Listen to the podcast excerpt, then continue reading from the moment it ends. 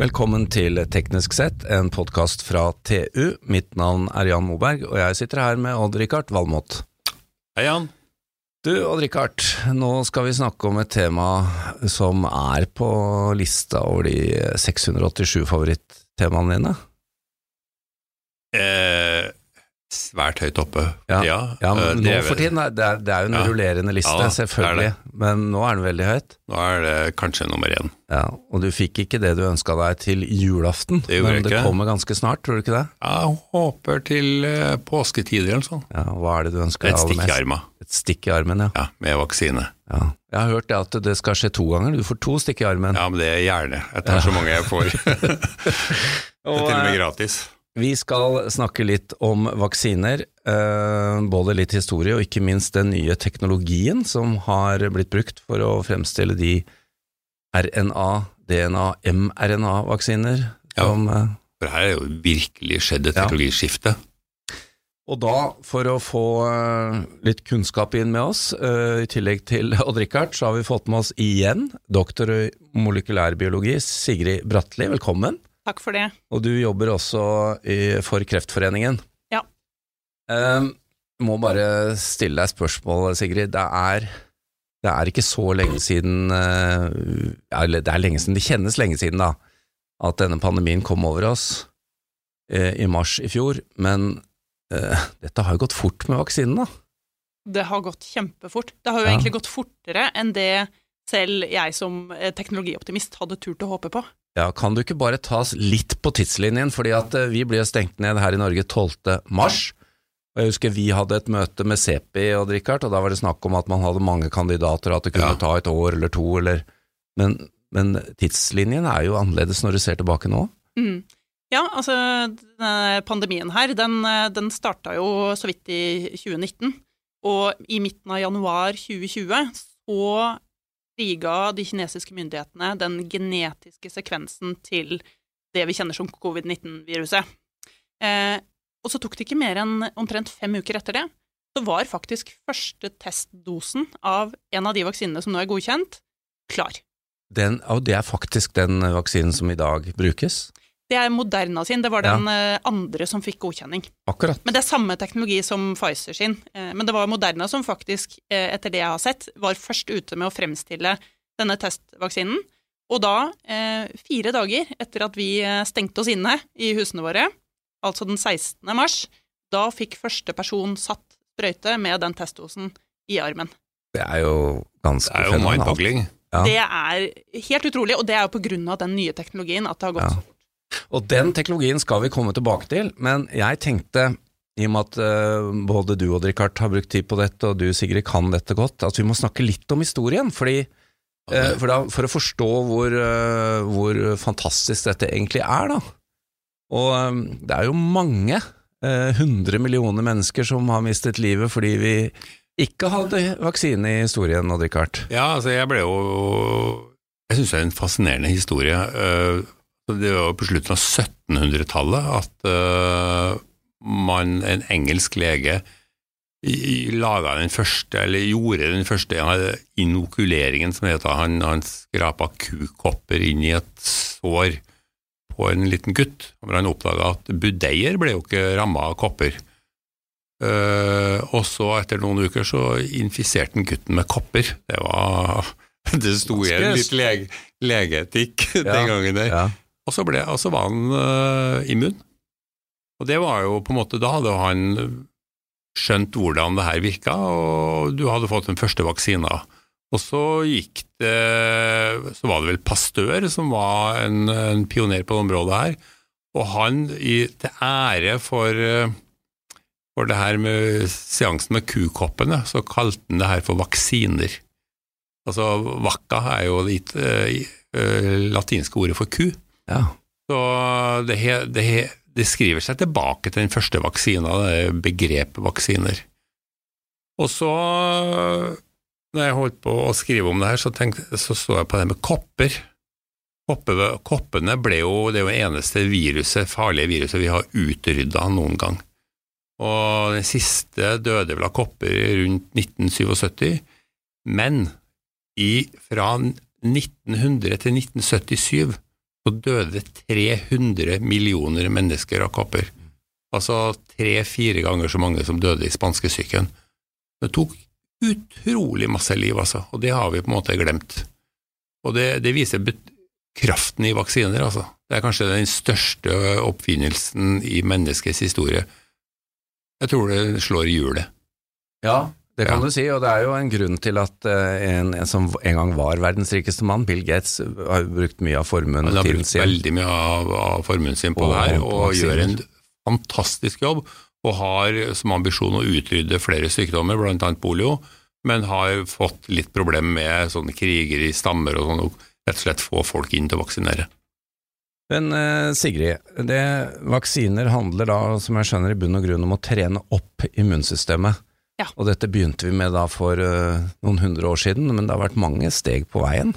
Det har det absolutt. Og det vi må også huske, er at dette her handler jo mye om grunnforskning også. Det å bare forstå hvordan menneskekroppen virker, og hvordan immunforsvaret er skrudd sammen. Det er jo det som også har gjort at man skjønte at man kunne vaksinere. At eh, immunforsvaret vårt har en slags hukommelse som gjør at den kan huske ting den har møtt på før, og det, at det prinsippet kan brukes til å beskytte oss mot framtidige infeksjoner. Så øh, den er ganske fascinerende, og det er egentlig ganske kort tid, vil jeg si. Altså fra 17, slutten av 1700-tallet fram til nå, og hva vi har oppnådd. Mm. Eh, som Odd Rikard sier, det med kopper er jo det fremste eksempelet. Og det var jo ikke bare på 1900-tallet det har tatt liv. Det viruset har herjet i over 3000 år, Ja. og har milliarder av liv på samvittigheten. Samvittigheten, ja. Ja, og det at vi har utrydda det, det er en sånn bragd som eh, de fleste burde eh, bruke tid på å anerkjenne. Det er Vi har antagelig redda flere liv med det enn med noe annet.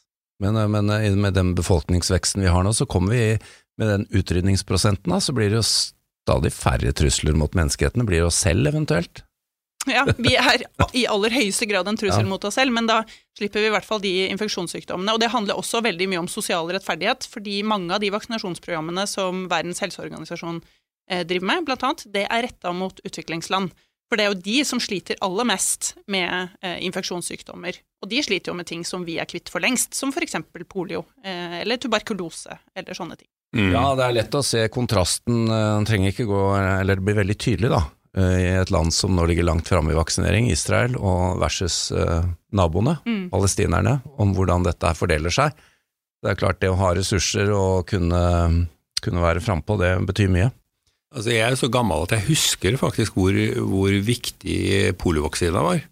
Alle mødrene den gangen var jo kjempeinteressert i å få vaksinert barna sine, for de hadde jo sett hvor mange som ble lamme og uføre av polio. Ja, den gang hadde du det i samfunnet. Ja, Ja. og så kom eh, vaksina eh, kom vel nærmere 1950, og så var han inne i barnevaksinasjonsprogrammet, og så poff, så var sykdommen borte.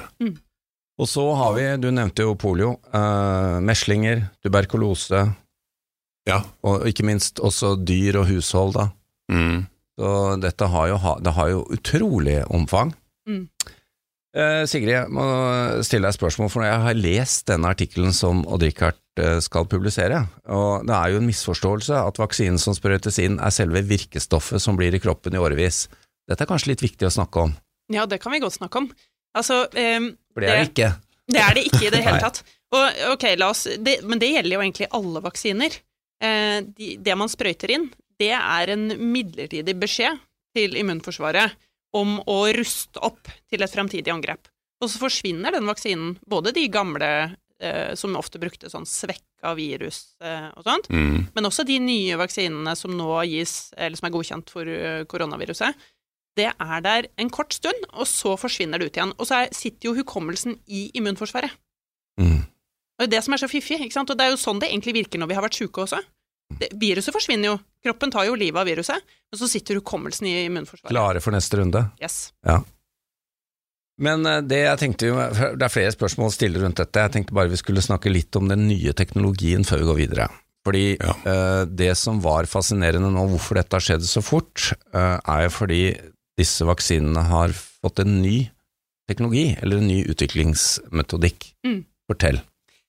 Ja, eh, dette kunne vært en lang historie. Man kan ta hele cellebiologihistorien, men det tror jeg ikke vi skal. Nei, det går bra. Så vi tar det kortversjonen. Ja. Men eh, for å forstå hva den nye er, så må vi bare si kort hva den gamle var. Ikke sant? Fordi man skal jo vise Altså, alle vaksiner har samme virkemekanisme.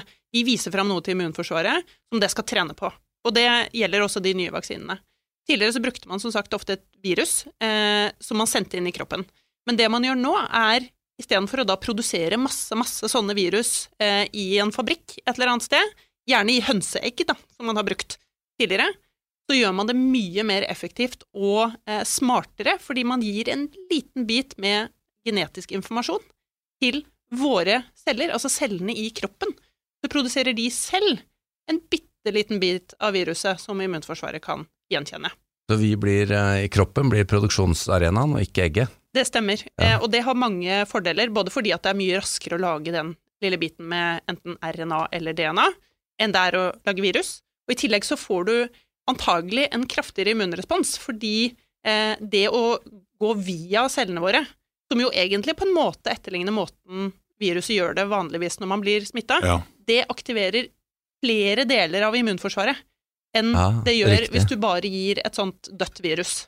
Ja, Og så er det bare en bitte liten del av, av viruset vi, vi setter inn. Vi tar en bitte liten del av det som sitter utapå skallet til koronaviruset, og lar cellene våre produsere det. Det i seg selv er ikke farlig. Nei. Det er bare Det er nesten som hvis du tenker at en kriminell har et fødselsmerke som man kan se etter. Det er litt det samme at du viser fram liksom fødselsmerket, og så får du immunforsvaret da til å Mm. eh, være forberedt. Og, i dette Og når det ekte viruset kommer. Det er en piggen som Ja. holder seg til cella. Hvis en kriminell har oransje ansikt, og drikker, så det er kanskje vanskelig å Og farge, vaksinere mot det. og farga hår og, og tenner. Ja, jeg måtte bare si det. Men uh, Sigrid, jeg må spørre deg. Uh, dette har jo blitt brukt nå for å produsere egentlig mange uh, vaksiner fra forskjellige produsenter. Hvordan vil det nå bli brukt for disse andre vaksinene vi har snakket om? Altså alt fra influensa til eh, Her blir det en helt ny vei, da? Helt ny runde? Ja, det gjør det. Dette, denne teknologien nå som har blitt brukt i koronavaksinene, kommer til å være fremtidens vaksineteknologi, tror jeg. Eh, at man vil foretrekke å bruke den typen teknologi, fordi den er også mye mer fleksibel. Det å gjøre om på en liten bit med genetisk informasjon, det er ganske enkelt. Så hvis f.eks. koronaviruset muterer da, og blir eh, motstandsdyktig eller ikke, ikke passer med denne vaksinen, så kan man gjøre om på det ganske enkelt. Eh, og sånn, eksempel når man ser på influensa, da, som jo er kjent for å mutere veldig ofte, og det er noe av grunnen til at det er vanskelig å lage en Mm. veldig god eh, og langvarig influensavaksine, så kan man også tilpasse den mye raskere med sånn RNA-teknologi enn Ja. det man gjør med den gamle teknologien. Så da kan vi forvente at den årlige influensavaksinen kanskje også treffer enda bedre? Kanskje. Ja, og Vi får se. Vaksinene som små barn får da, vil det, det vil, teknologien vil kanskje gå dit òg, jeg vet ikke. På sikt så vil Ja. jeg absolutt tro det, eh, fordi det er en smartere måte å lage vaksiner på. Men det som, er, eh, som jeg merker når jeg snakker om dette med folk, er jo at de, de stusser over det at det er genetisk informasjon som Mm. man gir til kroppen, og at det i seg selv liksom høres litt sånn Skummelt ut. skummelt ut. Jeg vil bare si at det er det ikke. Vi har så mye kunnskap om det her, og Ja. altså hvis man tar for seg disse RNA-bitene, det er ingen måte, eh, ikke en eneste molekylærbiolog vil si at det er mulig at det kan påvirke ditt eget arvestoff, for eksempel.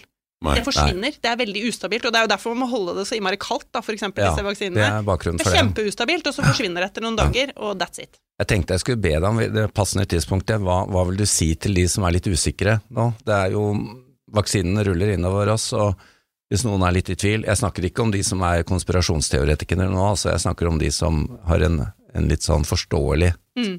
skeptisk holdning. Det, for det første vil jeg bare si at det kan være forståelig at man har en skepsis til dette. Og det handler jo litt om historikk også, fordi vi hadde dårlige erfaringer med, fra svineinfluensaen og den vaksinen, så var det jo noen ting som man ikke plukka opp. Så det er eh, fullt forståelig. Men det, det er forskjell på en sunn skepsis og det som er ren skremselspropaganda. Og det er ganske mye av det knytta til disse nye vaksinene. Eh, og jeg vil si til dem at det er viktig å forstå at eh, når man vurderer disse vaksinene, så gjøres det en vurdering av nytte versus risiko. Og det som har vært levert av dokumentasjon på disse vaksinene som nå er godkjent, og det, nå snakker jeg ikke om de andre, jeg snakker om de som faktisk er godkjent, eh, det er så solid i forhold til sikkerhetsprofil, og nytten er så stor at det var ingen tvil om at de kom til å bli godkjent. Så Der kan det hende det er enkelte grupper som ikke skal ha den vaksinen. foreløpig så vil jeg jo si at Og det som er planen, er jo å gi vaksinen til de gruppene det faktisk har vært testet på. Ja, ja. og det vil si de som eh, er i risikogruppene i eh, Og for eksempel så vil det ikke gis til barn per nå, fordi det har ikke vært prøvd ut på barn. Så, så jeg vil si at man må stole på de eh, vurderingene som gjøres nå. Ehm, Ja, og nå går vi jo inn i Verden går jo inn i en situasjon der vi aldri tidligere har hatt et så stort masse uh, en massevaksinasjon med nye produkter som nå. Du vil jo få mye svar, da. Du vil få masse svar, og så vil Ja. det sannsynligvis dukke opp tilfeller hvor det er enkeltpersoner Mm. som får alvorlige bivirkninger. Og det gjelder alle legemidler og vaksiner og absolutt alt, så vil det være noen som reagerer. Og det vil jo være en del av det videre beslutningsgrunnlaget. Så vil man kanskje justere ikke sant, på anbefalingene avhengig av hvilke grupper som tåler og ikke tåler dette bra. Men nytten av å vaksinere befolkningen nå er så stor. Altså Man må tenke på alternativkostnaden Ja. ved å ikke ta vaksinen. Vi vet jo at folk dør av dette viruset. Det er Ja, helt sikkert. Det er helt sikkert, og det, Ja. det for eksempel å være rundt og drikke hardt hvis ikke han får vaksine, det er også en belastning. Så, eh, det, jo, men altså, man har jo fra spøk til alvor, det er jo, det er jo usikkerheten folk går med, og, Ja. og alt dette er Mm. viktig. Um, jeg må også stille et par andre spørsmål, um, uh, og dette vet kanskje du noe om også, Odd Rikard, men de regulatoriske myndighetene som godkjente dette, det, har jo, det virker jo som det har gått veldig fort. Slakket de av på noen krav? Eh, svaret er både ja og nei. Altså, man har fulgt alle de standardene som man krever for testing av legemidler og vaksiner. Men det de har gjort, er at de har sagt vi kan gi en godkjenning litt tidligere, eh, som er en betinget godkjenning, fordi at vi nå anser det som tilstrekkelig dokumentert for å gi til denne gruppa. Så vil Ja. man fortsette å samle inn den dokumentasjonen. Men man har ikke lagt opp testinga noe dårligere enn det man gjør ellers. Og det som er viktig å huske på, er at noe av grunnen til at dette har gått veldig, veldig fort, er at man eh, annet har pøst enorme summer inn i vaksineutviklinga. Det ble anslått at eh, det ble spytta inn rundt 400 milliarder dollar i perioden fra mars til august eh, i 2020. Eh, Og i tillegg så er det jo de regulatoriske myndighetene har jobba natt og dag for å få unna eh, papirarbeidet. Og ikke minst befolkningen i verden har stilt opp i de kliniske studiene. Vanligvis så kan det gå litt tregt fordi at det er vanskelig å få folk til å være med på sånne studier. Ja, men det har har jo ikke ringt vært et problem. kontinuerlig for å prøve å komme inn i ja. Nei, men det, det ser jeg, det er jo kjempepoeng, og de skal vi faktisk ha, være takknemlige for. Mm. Eh, jeg må også stille spørsmålet, senest på radioen i dag, så har det jo kommet eh, litt sånn eh, tvil rundt bruken av vaksinen som kom fra Kina, også delvis litt fra Russland. Hvorfor det? Fordi der er det ikke så veldig mye åpenhet, og det har vært vanskelig å få se dokumentasjon, og det er usikkerhet knytta til hvor effektiv og hvor trygg den er. Og inntil man får faktisk se dokumentasjonen, så kan man jo ikke si det. Så det er derfor jeg mener at man skal ikke ukritisk si ja til alle vaksiner. De skal godkjennes, de skal gjennom det løpet eh, med legemiddelmyndighetene. Og eh, det jeg hørte, var jo at den kinesiske vaksinen ikke var like effektiv, og at det var sannsynligvis rundt 50 som er vesentlig lavere enn de vaksinene som nå er godkjent Mm. i Europa eh, og USA. Men den kom tidlig. Eh, den kinesiske? Ja. Ja, den var vel satt i gang for en stund siden, men, men ikke sant? Det, er jo ikke så, det er jo ikke transparent der. Vi Nei. vet ikke eh, hva, hvilke, hvilke data de har brukt i sine vurderinger. Du, eh, vi har snakka mye om virus, men eh, vaksiner kan jo brukes til mye annet rart også. Vi vaksinerer jo mot bakterier også, og vi har kreftvaksiner, og den nye teknologien her, den har jo et potensial som er langt utover virus. Absolutt. Det er kjempespennende, det du nevner med kreftvaksiner, for Ja. eksempel. Og det er jo der egentlig den RNA-vaksineteknologien ble utviklet først. Det er Ja. der den har vært prøvd ut, eh, med ganske gode resultater for enkelte typer kreft. Så det er samme prinsipp. Man trener opp immunforsvaret ved hjelp av små eh, biter med RNA som da inneholder informasjon om kreftproteiner. Ja. Så bruker man det til å trene opp immunforsvaret til å angripe da kreftceller som har den typen proteiner. Og det kommer til å gå kjempefort, den utviklingen, av koronasituasjonen, hvor teknologien har fått tatt kvantesprang. Så veldig positivt at vi ser eh, så gode synergieffekter på tvers av ulike felt. Mm. Og Richard, du er inne på det på slutten av den eh, artikkelen eh, du skriver. Eh, med den nye teknologien så kan du kanskje til og med kvele ting litt mer eh, i starten, kanskje i fødselen. Hvordan, hvordan ser du for deg dette her om eh, 10-20 år? Kommer til å gå sånn eh, flyalarm, og så kommer det droner med små skudd til armen din, eller? det er ikke godt å si, men jeg tror jo at det her vil utvikle seg veldig mye fortere enn før. Og vi har jo, vi har en over 200 år lang historie med vaksiner som nå skyter fart. Og vi kommer til å redde mye flere mennesker fra flere sykdommer. Baksiden av det er selvfølgelig at det blir flere mennesker. Ja. Nå går jo fødselstallene ned i noen, ja, noen så vi, vi, Sånn worldwide så trenger vi faktisk det også. Men nå skal jeg helle litt kaldt blod, vann i blodet på deg, ja. Richard, og så si at noe, vi kommer ikke til å bli kvitt infeksjonssykdommer. Det kommer til å bli verre. Eh, vi bor også tettere på, på ville mm. dyr, f.eks., som gjør at vi, vi vil uh, få flere uh, type epidemier i, i framtida. Vi har uh, nå f.eks. Denne pestbakterien, Yersinia pestis. Den ja. er blitt funnet i antibiotikaresistent form noen steder i verden. Uff da. Eh, og vi har jo da hele dette antibiotikaresistensproblemet, ja. så det, den pandemien, den kommer mye, mye saktere, men ja. den kommer, og vi, vi kommer til å ha utfordringer. Men, men vi kan utvikle vaksiner for det òg. Så har vi teknologi som gjør at vi har mye bedre forsvarsvåpen. Jeg, det, men det kappløpet det vil fortsette i framtida. Jo, det, det, har, det, har, du sikkert rett i. Og spesielt det med antibiotikaresistens er jo et kjempeproblem. Mm. Og sannsynligvis er vaksinering en del av kuren for det. Ja, jeg håper det. Sigrid, siste spørsmål til deg. Dette vi har vært igjennom nå, fører det til at vi har flere raskt eh, ved neste korsvei, det kommer noe, at vi har flere kandidater tilgjengelig parallell? Vaksinekandidater? Ja, det ja. tror jeg absolutt. Jeg tror de teknologiplattformene, da, hvis vi kan kalle det det, som er utvikla nå, de står parate. Både hvis koronaviruset muterer og vi på en måte må på med nye våpen der, men også til fremtidige pandemier.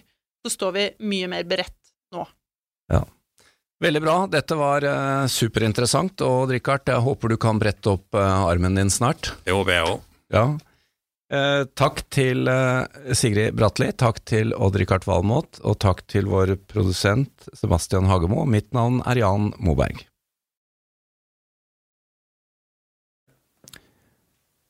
Dersom du ønsker å konsumere enda mer innhold fra oss i TU.no og Digg.no, anbefaler vi at du blir abonnent. Det vil gi deg tilgang til alt vårt innhold innen energi, elektrifisering, forsvar, fly, samferdsel, byggenæring, industri, maritime næringer, karriere og mye, mye mer fra vår kyndige redaksjon. Du vil da også få tilgang til alle sakene Odd Rikard skriver om sine 687 favorittområder. Vi har også egne avtaler for bedriftsabonnement, og som om ikke det var nok, medlemmer av Nito og Tekna for halv pris.